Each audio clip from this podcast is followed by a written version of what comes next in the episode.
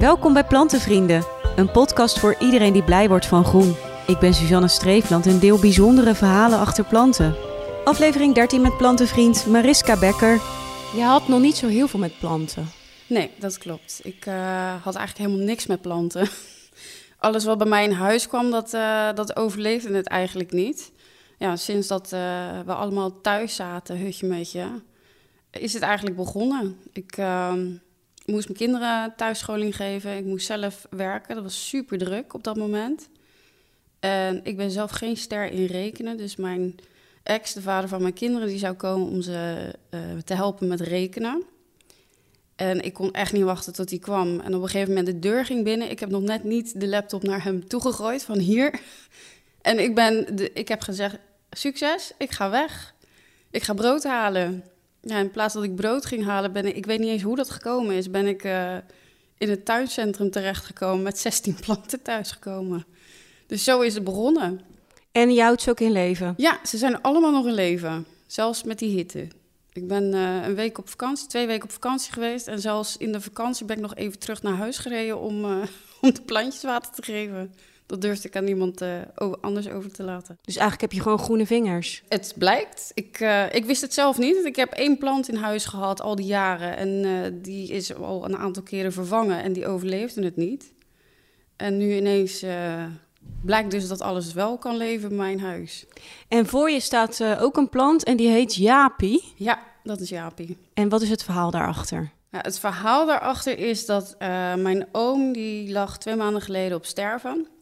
Wij zijn toen opgeroepen met de familie om afscheid te komen nemen. En eigenlijk zouden ze, zou het die dag of de dag daarna gebeurd zijn. Maar uh, ja, mijn oom uh, is nogal een vechter. Dat heeft hij laten blijken, want dat heeft twee weken geduurd. En de eerste weken ik, hebben wij in de wachtruimte, zeg maar, op de gang... hebben we daar af en toe koffie gedronken. En daar zag ik al deze plant staan. En ik dacht, het zou leuk zijn als ik daar een stekje van mee kan nemen. Dus ik heb op een gegeven moment die tweede week samen met mijn andere nichtje... hebben we in die boom gehangen. Want wat voor boom is het? Dus Schefflera, een vingersboom als het goed is. En uh, ik had er nog nooit van gehoord, maar ik vond hem super leuk... omdat hij, het lijkt echt net alsof hij vingers heeft.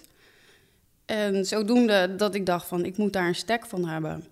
Nou, dat was best wel hilarisch, want mijn nichtje en ik hadden hele gesprekken door die boom heen. En het moest allemaal een beetje stiekem, want ja... Je staat midden in het ziekenhuis, sta je in een, een boom leeg te trekken. En um, toen kwam ik thuis. Want dat, ja, dat takje dat paste makkelijk in mijn, in mijn handtasje. Dus ik kwam thuis en toen, toen ging ik eigenlijk pas opzoeken wat het was en hoe dat moest. En toen bleek dat je een kopstek moest gebruiken. Maar die, die plant daar, dat was inmiddels gewoon een boom geworden. Dus het was een hele toestand om die eruit te krijgen. Want wat is een kopstek? De kopstek is zeg maar de bovenkant. Uh, dan moet je zeg maar een stukje van het takje en uh, de bladeren daaraan moet je dan zeg maar eraf halen. Als ik het goed zeg hoor, want zoveel verstand heb ik er niet van. Dus dat heb ik gedaan. En normaal zou dat netjes af moeten knippen. Nee, ik heb niet standaard een snoeischaar in mijn handtas zitten. Dus dat is met nagels uh, eraf gepulkt. Ja, en zo mee naar huis genomen. Zonder zakje of iets, gewoon tussen de sleutels en de in de tas. Thuis heb ik hem op het water gezet en ik had op internet gelezen dat, je, dat het dan wel echt weken kon duren voordat er wat ging gebeuren. Maar eigenlijk de tweede week zag je al dat hij worteltjes ging krijgen. En ik denk vier weken of zo, dat ik hem daarna in een, uh, in een pot heb gezet. En met de vakantie ben ik dus naar huis gereden om hem weer water te geven. En toen bleek dat Jaapie ook nog twee takjes had gekregen. Dus hij doet het echt supergoed.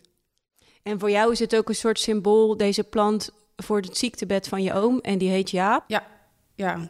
ik had uh, best wel een, uh, vind ik zelf, een hele goede band met mijn oom.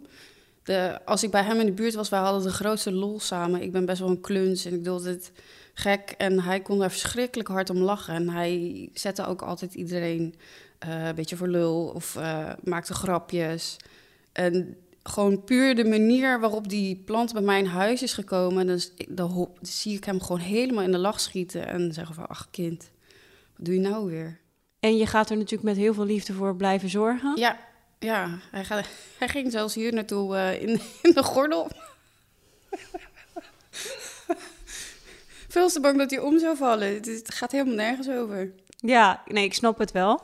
Kan dit dan ook weer gestekt worden op een gegeven moment dat je het weer doorgeeft aan andere familieleden? Is dat je idee? Ja, dat is wel mijn idee. Ja. Het leek mij leuk als hij echt groot genoeg is. Ik kan er nu nog geen kopstek uit halen natuurlijk. Maar om dan aan mijn nichtje, dus zijn dochter, ook zo'n uh, stekje te geven. Kijken of hij het daar ook zo goed doet. En je hebt zelf ook nog een stek meegenomen voor in de plantenbie? Ja, dat is een uh, zaagcactus. Ik heb daar twee stekjes van uh, meegenomen.